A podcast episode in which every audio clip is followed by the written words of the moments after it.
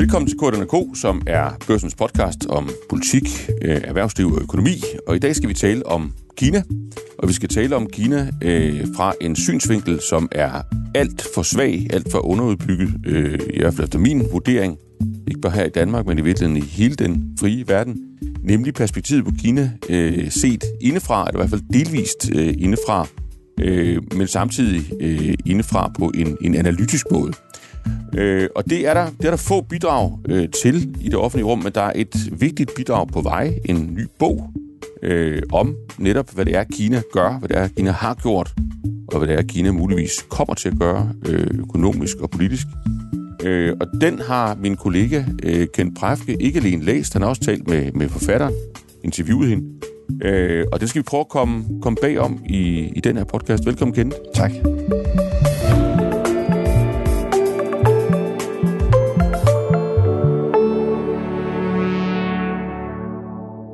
Og skal vi lige prøve at, at starte med bare lige at, at få, få kilden på plads? Altså, hvad er det for en, en bog, hvad er det for en forfatter, vi, vi taler om her? Hvorfor er det, vi to er, øh, er gået lidt amok over det? Fordi vi synes, den er, er spændende, og, og at dem, der har lyst til at forstå øh, en af de helt store og vigtige fænomener i verden, øh, heller må få læst med, når den udkommer her. Er det ikke 16. maj?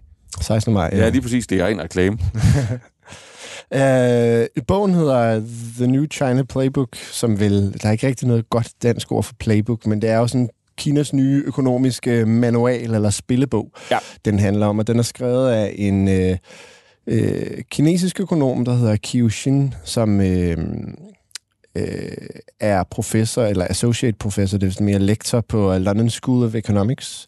Og hun er en super øh, spændende jagttager af kinesisk økonomi, og også forholdet mellem øh, kinesisk økonomi og, og vestens økonomi, fordi hun er født i Kina. Hendes far har været øh, vicefinansminister, øh, og nu er han chef for øh, sådan en Asian Infrastructure Investment Bank, øh, så han Øh, hvad skal man sige, hun er jo ligesom født ind i en, en øh, familie, der forstår, hvordan det kinesiske både politiske og økonomiske system øh, fungerer. Hun er, hun er vokset op i, i, i Beijing. Så da hun var øh, øh 14 år eller noget lignende, så var hun udvekslingsstudent i New York. Siden er hun øh, øh både blevet bachelor, kandidat og Ph.D. fra et af de fineste amerikanske universiteter, Harvard. Og i dag bor hun og underviser hun i, i, i London. Øh, Så hun har virkelig et ben i øst og i, i vest, og dem er der bare ikke specielt mange af dem, der egentlig både har en dyb indsigt i kinesisk økonomi, kinesisk politik, kinesisk kultur, mm. og så har det tilsvarende øh, i Vesten. Så en, der ligesom rigtig kan oversætte eller bygge bro. Eller i hvert fald ikke nogen, der siger noget, vel? Nej, det er rigtigt. Ja. Det er rigtigt. Øhm, og det, hun, det, der er øh, intentionen med bogen, er ligesom at prøve at, øh, hvad skal man sige, præmissen for bogen er, at Vesten misforstår Kina, og Kina i en eller anden grad også misforstår Vesten, og at det er en del af årsagen til, at man har den her konflikt mellem især USA og Kina, som bare bliver værre og værre for, for hvert år, der, øh, der går. Altså, der bliver flere og flere øh, restriktioner. Øh, den 12, som øh, Trump lagde på i 2018, den er der stadig på, på handelen mellem dem. Altså, der er virkelig spændinger, og der er jo hele tiden det spøgelse ude i horisonten, som er, kan det ende i en krig omkring øh, Taiwan, for eksempel. Mm. Nu er du både økonom og, og, og journalist, det vil sige, du har jo selvfølgelig både øh, læst og, og, og, og talt med, med forfatteren her om, om indholdet, men du har jo også, leveret, ved jeg, lavet, en, øh, lavet sådan en vurdering af kilden, øh, og det indgår det interview, du har lavet, som er trygt i børsen, der, der du, går du jo også tæt på, altså, hvor, hvor skriver, altså står hun i virkeligheden helt analytisk, neutralt øh, og ser øh, nøgternt på de her problemstillinger, eller er der sådan mere vægt på det ene ben øh, end på det andet ben, henholdsvis det, der står i, i Vesten og det, der står i Kina? Altså er det en, er den her bog, øh, er, er det en, i et eller andet omfang delvist en, en, en form for undskyldning, eller en form for, for positionering af Kina, eller er det lige det modsatte, en nøgle til, at Vesten kan forstå øh, det, der mere og mere bliver en, en, en modstander? Er, er, altså er hendes neutralitet troværdig, når du læser det igennem og taler med hende? Øh, Jeg har det ikke så godt med at skulle være sådan overdommer over for, hvor neutral hun er. Men man kan i hvert fald sige, både da jeg læste Ja, men efter bogen... dit indtryk Ja, ja, det, både, både da jeg læste bogen, og da jeg talte med hende, så synes jeg, hun blev ved med ligesom at pege på ting, hvor USA og Vesten misforstår, hvordan kinesisk økonomi, kinesisk politik, kin- kinesisk øh, kultur fungerer. Øh, og det spørger han også om på et tidspunkt. Øh, om hun i virkeligheden har mere sympati med Kina, end hun har med, med Vesten, selvom hun prøver mm. at placere sig som den neutrale jagttager. Hun siger så, at det, hun, sådan vil hun ikke have, at det skal fremstå, så hun vil gerne være øh, neutral, men jeg synes klart, at hun peger på flere eksempler på, hvordan Vesten misforstår Kina. Den det, det, det synes jeg er færre her i baghovedet, når man læser mm. øh, bogen. Lad være med at tage det som en eller anden, øh, øh, hvad skal man sige, faktaliste, men det er bare ret interessant at få det blik mm. på, hvordan en, en kineser, en kinesisk økonom med dyb indsigt i, hvordan Vesten fungerer, kan ligesom oversætte nogle af de ting, vi misforstår. Fordi det synes jeg så til gengæld, hun jo fagligt og savligt øh, redegør for. Så kan det godt være, der er noget, hun, øh, hun ikke peger på, mm. hvor Kina misforstår Vesten. Der er også New York Times har lavet et øh, interview med hende, hvor de går lidt til hende i forhold til nogle af de menneskerettighedsspørgsmål, for eksempel, der er, som hun ikke øh, ikke rigtig berører i, i, i bogen, hvor hun siger, jeg er, jeg er økonom, jeg kigger på mm. lidt mere den, den økonomiske del af verden. Så der er også noget der. Så det er jo ikke, hvad skal man sige, det er jo ikke sådan et rund, en rund globus, man kan sidde og spænde, og så kan man se hele verden, og det var præcis sådan, øh, det var. Det, det, mm. det synes jeg ikke, man skal foregive, men jeg synes, at de pointer, hun har, er, er ret godt øh, underbygget. Og hun er, hun er en altså anerkendt og veletableret økonom mm. i, i Vesten. Man kan sige, en af de måder, man kan måle sådan noget på, er, at når der i januar er World Economic Forums årsmøde i Davos, så er hun ligesom en af dem, der bliver øh, øh fløjet derned for mm. at skulle udlægge. Øh, det synes jeg, hun er ikke sådan en, hvor man i Vesten betragter hende som en, hvad skal man sige, kinesisk spion eller mm, øh, okay. noget i den dur.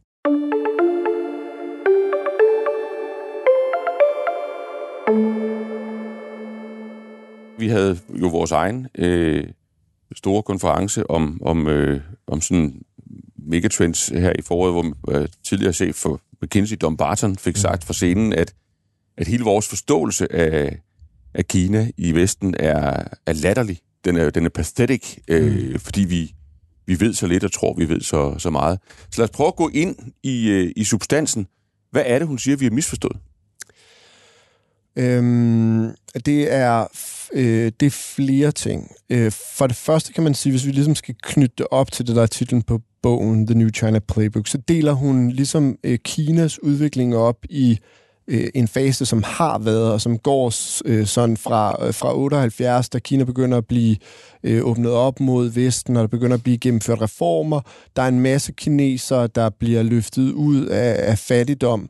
Øh, der er en enorm vækst og den er der på en måde, som øh, handler meget om, at en masse virksomheder flytter deres produktion til Kina, og Kina kan få en masse vækst ved bare at bygge veje, bygge bygninger, der skal urbanisering osv. Det er ligesom sådan ret klassisk øh, at gå fra at være en meget lille økonomi til at blive en mellemindkomstøkonomi. Mm, det er sådan catch-up. Det er catch-up, og det, ja. der, det der Kina er nu. Og nu har de så brug for en new playbook for at gå fra at være et mellemindkomstland til at være et højindkomstland. Ligesom Europa, ligesom USA, ligesom Australien, ligesom Kanada. Mm. Det er ligesom den rejse, Kina skal på nu. Og det kræver noget, øh, det kræver noget andet, både i Kina, men det gør også, at Kina kommer til at se ud på en anden måde og opføre sig anderledes over for Vesten, end de har gjort. Ja, ja fordi hvis jeg lige sådan hurtigt skal, skal, skal repetere min primitive forståelse af mm. sådan en al- almindelig økonomisk teori, så, så er det vel at, at den første del af rejsen, altså fra at være et, et, et, et fattigt land til at være et, et mellemindkomstland, den er selvfølgelig vanvittigt svær, og der er mange lande, der, der, der er meget langt fra at, at, at kunne tage den. Mm. Men det er alligevel den nemmeste del. Mm. Altså, øh, det, det, det er alligevel til at have med at gøre. Øh, man, der, man kan investere tungt i, i infrastruktur, man kan, der kan ske en, en, en urbanisering osv., men den sidste del af rejsen, vil mange eksperter vil sige, det er den svære. Ja. Øh, og der er, der er det, der hedder the middle income trap, ikke? Ja. Altså, man ligesom sidder fast øh, der, hvor Kina så er kommet til nu. Og der vil mange vestlige økonomer, jeg tager, mange af dem, du interviewer og, og taler med, de vil vel også sige, jamen, men, men det er simpelthen ikke, man kan ikke komme ind på, på den del af rejsen, uden at blive et, et mere vestligt system. Øh, et, et friere, en friere økonomi. Øh, måske ligefrem en demokratisk økonomi, øh, i hvert fald en mindre reguleret øh, økonomi ja. øh, end, end Kina. Og det går hun vel i et eller andet omfang i, i rette med. Er det, er det der en af de store misforståelser ligger? Øhm, Ja, man kan sige, det er et super spændende spørgsmål, synes jeg, omkring hele det ja, der med, hvor meget... Det er måske, hun, måske et af de aller top tre spørgsmål lige i tiden, ikke? Jo, altså hvor meget staten skal fylde i en økonomi, ja. og, og, og der er ikke nogen tvivl om, at det har været en fordel for Kina, at du har en så stærk politisk centralisering, og du har så stærke lokale regeringer, som har kunne ligesom understøtte den udvikling, der har været indtil nu. Øh, øh hun kalder det øh, sådan en styret kapitalisme, eller hvad man skal sige. Mm. Og til gengæld synes jeg også, hun siger, at det er ligesom en anden rolle, der er for regeringen, øh, eller for, for de lokale myndigheder øh, nu også. De kommer stadigvæk til at have fingrene dybt nede i økonomien. Du har store statslige virksomheder. Øh, du er staten er meget tæt på de strategisk vigtige områder for Kina, men du er også nødt til at have nogle virksomheder, som i højere grad driver innovationen, fordi nu er det ikke bare et spørgsmål om, at øh, du skal være verdens øh, fabrik. Hun jeg bruger det her, som jeg synes er en ikke, meget sjovt billede, at Kina vil gerne være et, øh, et, et større smartere Tyskland. Mm. Altså, du vil gerne være verdens fabrik, men du vil være det på en måde, hvor du laver noget mere højteknologisk. Altså, ligesom Tyskland laver, øh, laver biler og har mange øh, andre øh, store industrivirksomheder, som er højere op i værdikæden. Mm. Så er det ligesom det, der er udfordringen. Og det kan øh, øh, staten hjælpe med til et stykke hen ad vejen ved for eksempel at putte, putte en masse penge ind i, i, i, i teknologi, øh, hjælpe med lån og så videre, men, men de kan heller ikke, altså det er jo også et, øh, et tungt, øh, tungt øh, system, eller hvad man skal sige. Det er også et sted, hvor du ikke får øh, fordelt ressourcerne rigtigt, øh, siger hun. Der er blevet opbygget en, en masse gæld, så det er en, det er en lidt anden måde, som, som staten skal, skal fungere på, end den har gjort før, for at de skal lykkes med at komme ud af den her øh, middelindkomstfælde. Ja, fordi mange vestlige jagttager vil, vil vel sige, at at øh, altså nogen, nogen vil selvfølgelig øh, være, være nervøse, sige, de, de, de vokser fortsat øh, mm. hurtigt. Øh, det er en strategisk valg, øh, og det, det, skal vi, det, det skal vi sådan virkelig have øje på. Men andre vil jo på en eller anden måde sige, bare, bare roligt, altså de, de, de skal nok få problemer øh, inden mm. længe. De har en, en aldrende befolkning. Øh, de vil være nødt til, altså de vil være nødt til at, at slippe økonomien mere fri, øh, hvis den for alvor skal, skal være innovativ øh, ind i, ind i den, sådan den næste del af, af rejsen. Så kan staten ikke længere be, bestemme så meget. Befolkningen vil i højere grad øh, øh, få et værdisæt, øh, som er præget af sådan et ønske om ytringsfrihed og selvstændighed. Og, øh, så det, bliver svæ- det hele vil blive sværere at styre. Ja. Jeg tror faktisk, du slår ned på noget ret centralt der, ja. fordi for eksempel har du jo set, at øh, øh, den, det kinesiske styre er meget opmærksom på ikke at få for stor ulighed, eller ikke at få for stor, hvad skal man sige, koncentration af nogle virksomheder, som får en eller anden form for, for monopol, og derfor har du blandt andet haft hele det her opgør mod teknologisektoren. Ikke? Mm. Men det risikerer jo at bremse den vækst, man gerne vil have, fordi du har det andet hensyn, der er, at du kigger også på øh, den vestlige kapitalisme, og ligesom siger, at der er en ret stor ulighed i USA. Du har øh, koncentreret nogle, øh, en masse magt og en masse økonomi omkring og nogle ret få Og til gengæld er det dynamisk.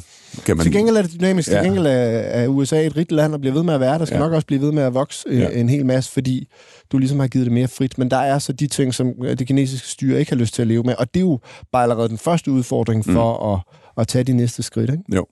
Men, men der peger hun vel på, at, at i hvert fald sådan som jeg læser det, at, at nogle af de, nogle af de sådan antagelser, vi lægger til, til grund for, at, at, at man så spår øh, vanskeligheder for Kina, og spår, at, at de vil få besvær med at omsætte deres gamle playbook til en, en ny playbook.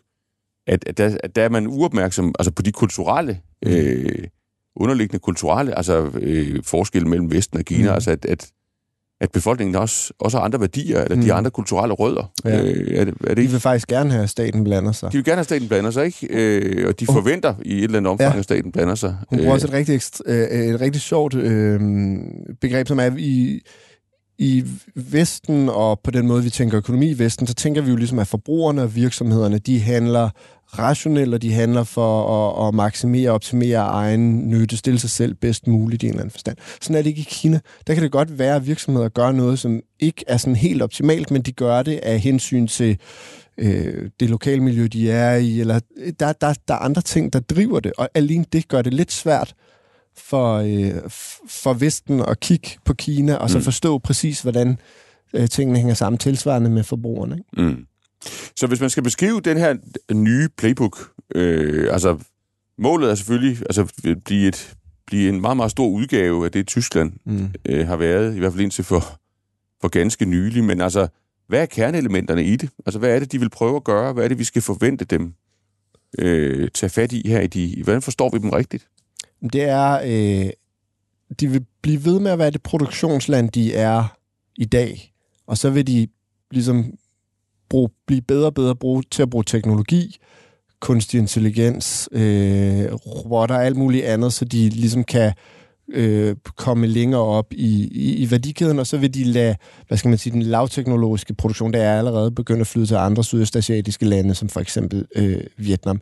Det er ligesom den vej, de vil videre på. De vil øh, uddanne sig bedre, de vil øh, ja, kunne øh, kravle op af værdikæden, og det er jo også derfor, det gør så ondt på Kina, når de lige nu ser, at USA går meget, meget langt for at begrænse det så især de mest avancerede øh, mikrochip eller computerchip, deres adgang øh, til det. Men de har jo også, øh, vi har også set tidligere med Huawei's mulighed for at, at brede sig i Vesten. Altså alt det, der ligesom hvor Vesten prøver at ramme Kina teknologisk, det gør enormt ondt på den, fordi det er ligesom det, der er kerneelementet i, at de skal kunne, øh, øh, hvad skal man sige, tage det næste skridt. De gør altså ikke nogen forestilling om, at de skal være en økonomi, som har en lige så stor servicesektor som i USA, eller en lige så stor finansiel sektor som i USA, som er en meget, meget stor del af amerikansk økonomi. Hvis du tager den finansielle sektor, ejendomssektoren og servicesektoren, så er det virkelig en rigtig stor del af amerikansk økonomi, og på den måde kommer de stadigvæk til at fungere meget forskelligt, mm. hvis Kina, Kina lykkes med deres uh, playbook. Okay. Så, så hvis man lige skal summere altså de, de primære misforståelser, ja. øh, set fra, fra hendes synspunkt, og nu tænker jeg ikke på, på at blikke tilbage på, hvordan, hvordan de kom hen til øh, det sted, de er nu, men, men i forhold til The New Playbook, altså, ja. altså hvad, hvad, er det, vi, hvad er det, vi ser forkert fra, fra vestens side ifølge ifølge den her bog? Lad os tage en på, på, på hver side. Øh, hvad ja, det? Sådan ja. Helt grundlæggende mener hun, at Vesten misforstår, at Kina har en ambition om at overtage og dominere USA økonomisk, for eksempel. At det ligesom er et kapløb om, hvem kan få det største BNP per capita. Mm og øh, det er ligesom vinderen. Det er ikke Kinas ambition. Kina har stadigvæk en rigtig stor, øh, øh, en rigtig stor fattig del af befolkningen, mm. som man ønsker at løfte øh, højere op, og man vil gerne være sikker på, at man ikke bliver fanget i den her middelindkomstfælde, som en masse latinamerikanske lande for eksempel er. Det er det, der er Kinas motivation. Det er ikke at blive verdens største økonomi, og så kunne, kunne dominere den vej, siger hun. Tilsvarende siger hun, øh, siger hun så også, at en af de ting, som Kina misforstår, i forhold til det der med at få en bedre relation til Vesten, er, at kinesisk, øh, det kinesiske marked er jo en jungle for vestlige virksomheder stadigvæk at komme ind på. Det er stadigvæk nogle steder meget reguleret. Du har ikke lyst til at komme ind i sektorer, som er, hvor du har øh, store statslige virksomheder, eller som er strategisk vigtige for Kina, fordi så risikerer du at blive klemt lige pludselig at hvis Kina reelt vil have et bedre forhold til Vesten, så er man nødt til at åbne sin økonomi op, så øh, europæiske virksomheder, amerikanske virksomheder kan få bedre muligheder for at være i Kina, tjene flere penge mm. og tage hjem og lobby deres politikere for at lade være med at indføre så mange 12 og tariffer og i øvrigt blive ved med at lave alle mulige former for restriktioner. Og, er det også et budskab fra hende, at, at, at en af vores misforståelser, det er, at, at, det, at det enten er helt sikkert, at det vil gå godt, eller at det er helt sikkert, at det vil gå dårligt? Ja, ja der, ja, der er en ekstremt stor usikkerhed øh, om, hvor om den her playbook virker. Ja, præcis, og hvor succesfulde de vil være med at, øh, øh, at tage de næste skridt. Altså, det er jo ikke... Hvad vil afgøre det efter hendes vurdering? Jeg ved ikke, om der er én ting, der ved det, men der er jo mange ting, som de allerede slås med. Altså for eksempel har du en ejendomssektor, som mm. har over de seneste par år vist sig ret tydeligt at, at være i knæ, hvor du har fået bygget en masse gæld op, du har fået en masse ressourcer, de hiver højhus ned, fordi de har fået bygget for meget. Så evnen til at, at, at lykkes med det her, det er, bare, det er meget nemmere øh, sagt end gjort. Der er masser af faldgrupper på vejen, og Kina er et kæmpe stort land mm. med en masse lokale regeringer. De har haft øh, problemer med, at de lokale regeringer heller ikke altid har fungeret øh, lige godt, eller fungerer lige godt, så der er, der er masser af steder, det kan gå galt. Jeg ved ikke, om, om jeg tænker, hun peger på en øh, særlig ting. Set fra vestens øh, synspunkt, øh, jamen så skal vi jo så for, forsøge at håndtere det her. Det er jo mm. en, af de, en af de helt store diskussioner lige i øjeblikket, hvordan ja. vi, vi gør det. Den kører i Danmark, den kører i EU, ja. øh, den kører i særdeleshed i USA, øh, og, Og når nogle af de helt store spillere gør noget eller siger noget, for eksempel Macron, da han besøgte øh, ja. Kina, øh, jamen så er det jo sådan vidt på toppen af den, af den globale nyhedsdagsorden. Øh, alt efter om man er strammer eller slapper eller et sted øh, midt imellem. Øh, men kan du prøve, altså, kan du prøve at, at rise den del af ligningen op for os? Altså, hvad er det, hvad er det, altså måske særligt i, i, i USA, som jo sætter øh, takten eller dagsordenen her, hvad er det, hvad er det for en, en taktik eller en strategi, man begynder at, at udvikle øh, i, i, forhold til, i forhold til det fænomen, der så er Kina? Ja.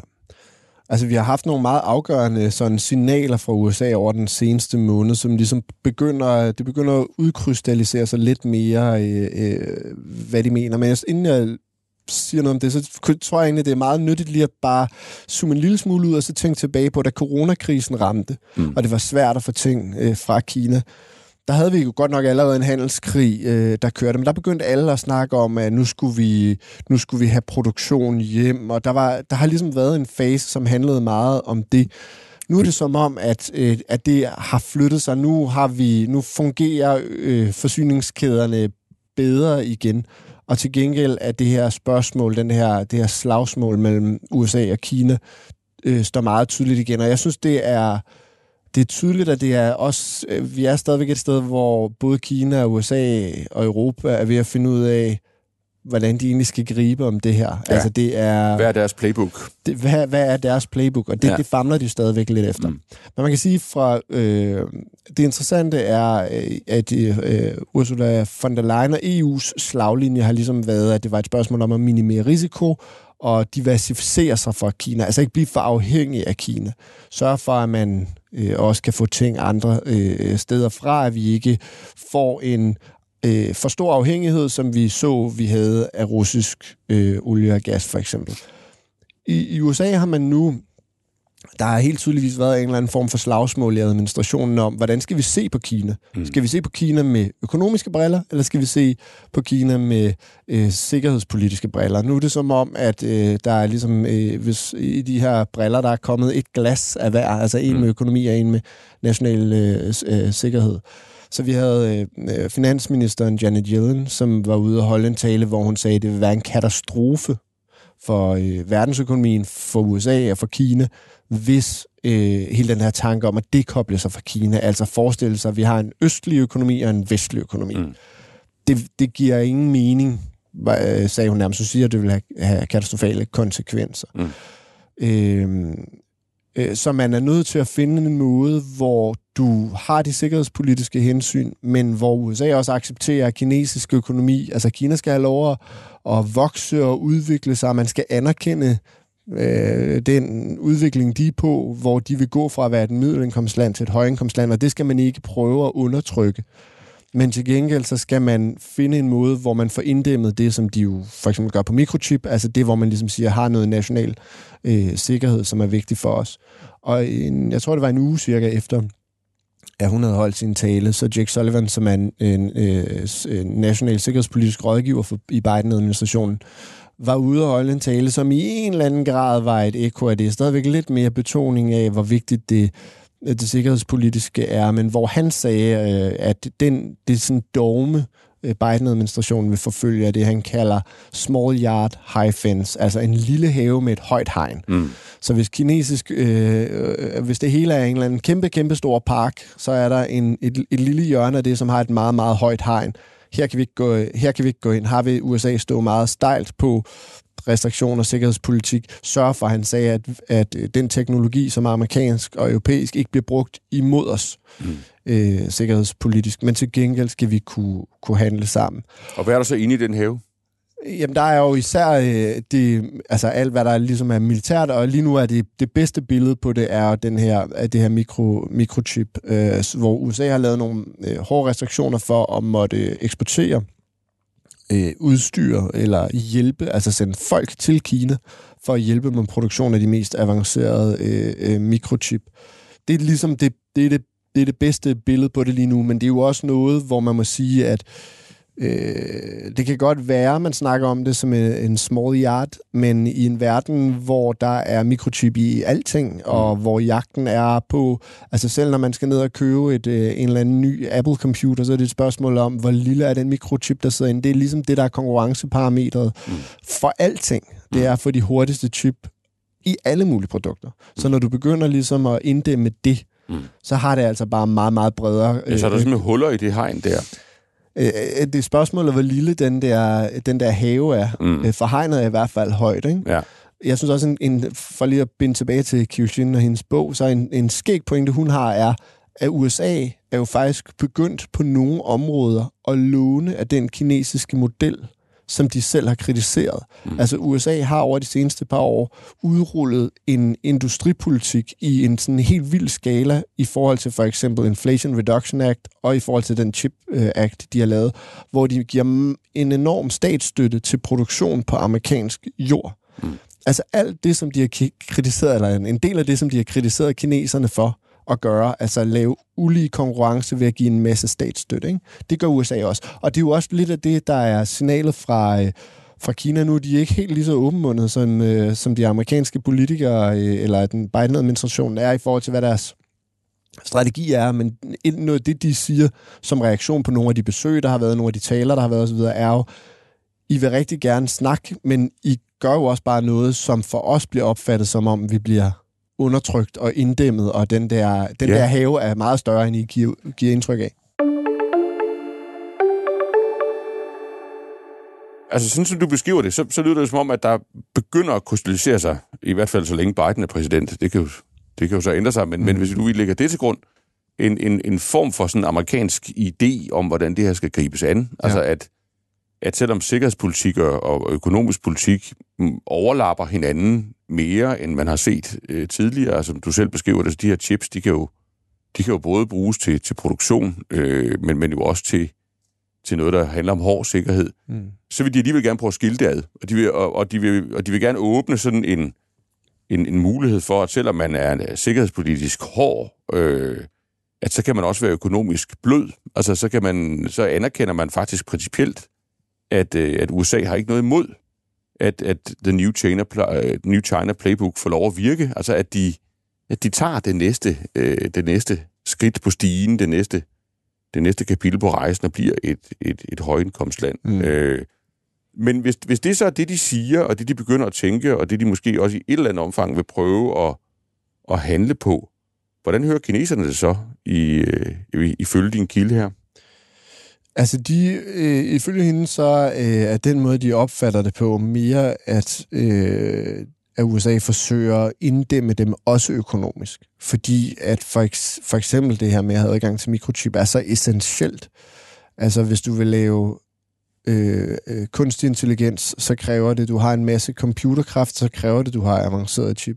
Mm. Så hvis du lige pludselig ikke har mulighed for at få øh, dimser eller maskiner eller hjælp til at lave de her øh, mikrochip, så øh, er konsekvenserne bare meget bredere. Hun siger også, hun hun selv er øh, lidt kritisk over for, hvor meget af det, som USA ligesom siger, er sikkerhedspolitisk begrundet, reelt er det. Altså, er det jo der er jo ikke sådan en, en fin øh, vægt, man kan lægge det op på, og så sige, her er for 500 gram sikkerhedspolitik og for 500 gram økonomi. Altså, øh, tingene er jo ikke så, øh, så sort-hvide, så på den, på den måde bliver det jo også interessant, om USA kan lykkes med det, vi så kan kalde The New American Playbook, mm. i hvert fald over for Kina, som, som handler om at finde den balance, hvor de godt selv ved, hvis vi sætter hårdt mod hårdt, så bliver det nok kun værre, så bliver risikoen for, at vi ender i en hård konfrontation med de det, de også selv anerkender vil have katastrofale konsekvenser, det bliver større, så de ved ligesom, de er nødt til... De skal have skilt tingene ad. De skal have skilt tingene ad, og spørgsmålet, bare er, hvor, spørgsmålet er, hvor nemt det er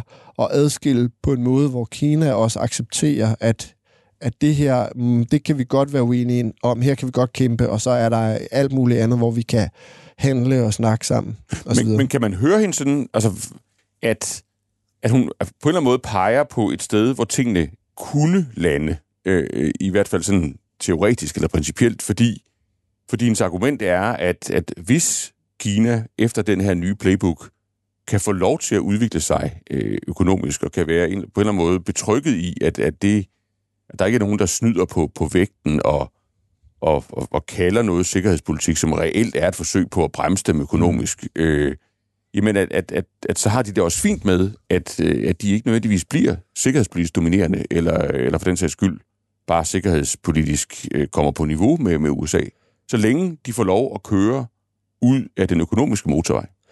Hun siger i hvert fald, at, øh, at jeg tror, at svaret er, er, er ja på det der spørgsmål. Der er helt klart, altså, at der er en landingsbane. Den er, den er svær, der er toget, og det er på en lille ø med store bjerge og sådan noget der. Ikke?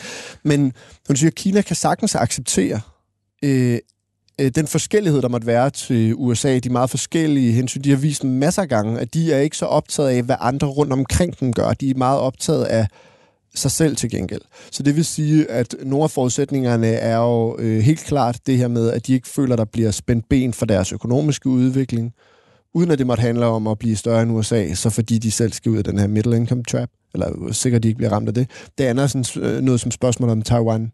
Øh, at øh, de skal ikke føle, at USA på en eller anden måde bliver en trussel mod dem mm. den vej rundt. Mm. Og øh, om, øh, altså, hvor nemt det er øh, sådan i, i konkret og, øh, og over tid at lande lige præcis der, hvor spørgsmålet om Taiwan formentlig stadigvæk vil være anspændt, men i hvert fald ikke for tingene til at springe i luften, og at Kina ikke føler, at de bliver undertrykt økonomisk.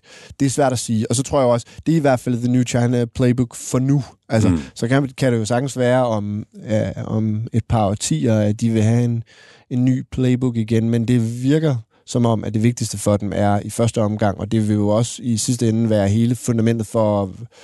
Du kan ikke være sikkerhedspolitisk dominerende, hvis du er et, et, et middelindkomstland, selvom du er et stort middelindkomstland. De har også udsigt til, at de skrumper mm. øh, befolkningsmæssigt. Så det er ligesom det, der er vigtigt at forstå, at det er deres hovedprioritet. Det er at tage det næste skridt i den økonomiske udvikling.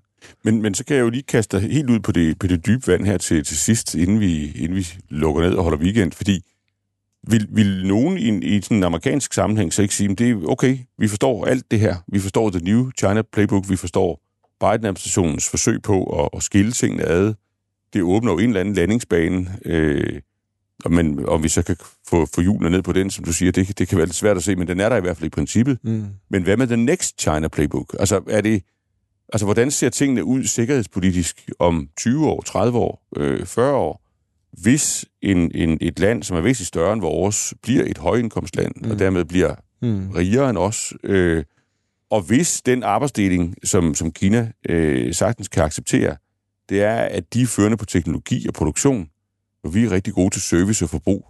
Mm. Altså, er,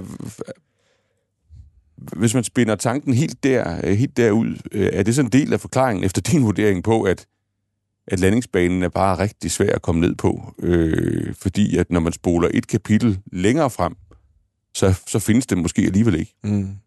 Nu sagde du selv, at det var dybt vand, og det, jeg tror, det er sådan et spørgsmål her, der kræver et korkbælte for at ja, holde hovedet ja, over vand. Hvis men, kan men, ja, ja. Jeg ved det ikke, det bliver også spekulation lidt ja. uden for uh, mit ekspertiseområde, men ja. det der i hvert fald er, hvis man skal læse lidt i kaffegrum, så må man sige, indtil videre har USA vel anlagt en strategi, hvor det er uh, Øh, better safe than sorry. Altså, mm. de, de har ikke lyst til at løbe en risiko for, at, at Kina lige, at lige pludselig ikke er til at kontrollere. Mm. Øh, så spørgsmålet er, øh, altså, øh, USA vil være supermagten, mm. øh, og de vil kunne forsvare sig selv, og de vil være sikre på det. Og de vil være teknologisk foran. Og de vil være teknologisk foran, og spørgsmålet er, om de ikke også gerne vil være sikre på, at de økonomiske øh, er foran. Og det er jo noget af det, som gør det svært. Så en ting er, at der er nogle ting, som bliver svært for Kina i at tage den næste, de næste skridt, men, men det, jeg tror også, det er en af grundene til, at det er så, virker så øh, stadigvæk umodent, når man hører, hvordan USA og i øvrigt erhvervslivet snakker om relationen til Kina. Mm. At man kan godt se risikoen, men Kina er også et land, man ikke kan ignorere, og nu skal vi på en eller anden måde øh, få de der to ting til at mødes på en pragmatisk måde, som alle kan leve med. Mm. Og, der er ikke, og man kan ikke lige se det for sig, vel? Men man kan godt sådan i det abstrakte tale om en landingsbane. Ja, men det, det er jo så det, vi har gjort. Ja. Og, og tusind tak for dit, øh, dit bidrag til, til det, Kent. Og øh, det er noget, vi prøver at, at sådan vidt gå, gå dybt med her på, på børsen, så så her på fælderæbet, så vil jeg bare minde om, at vi faktisk sender en, en live Q&A øh, om danske virksomheders øh, interesser i Kina, og det gør vi 16. maj kl. 9.00.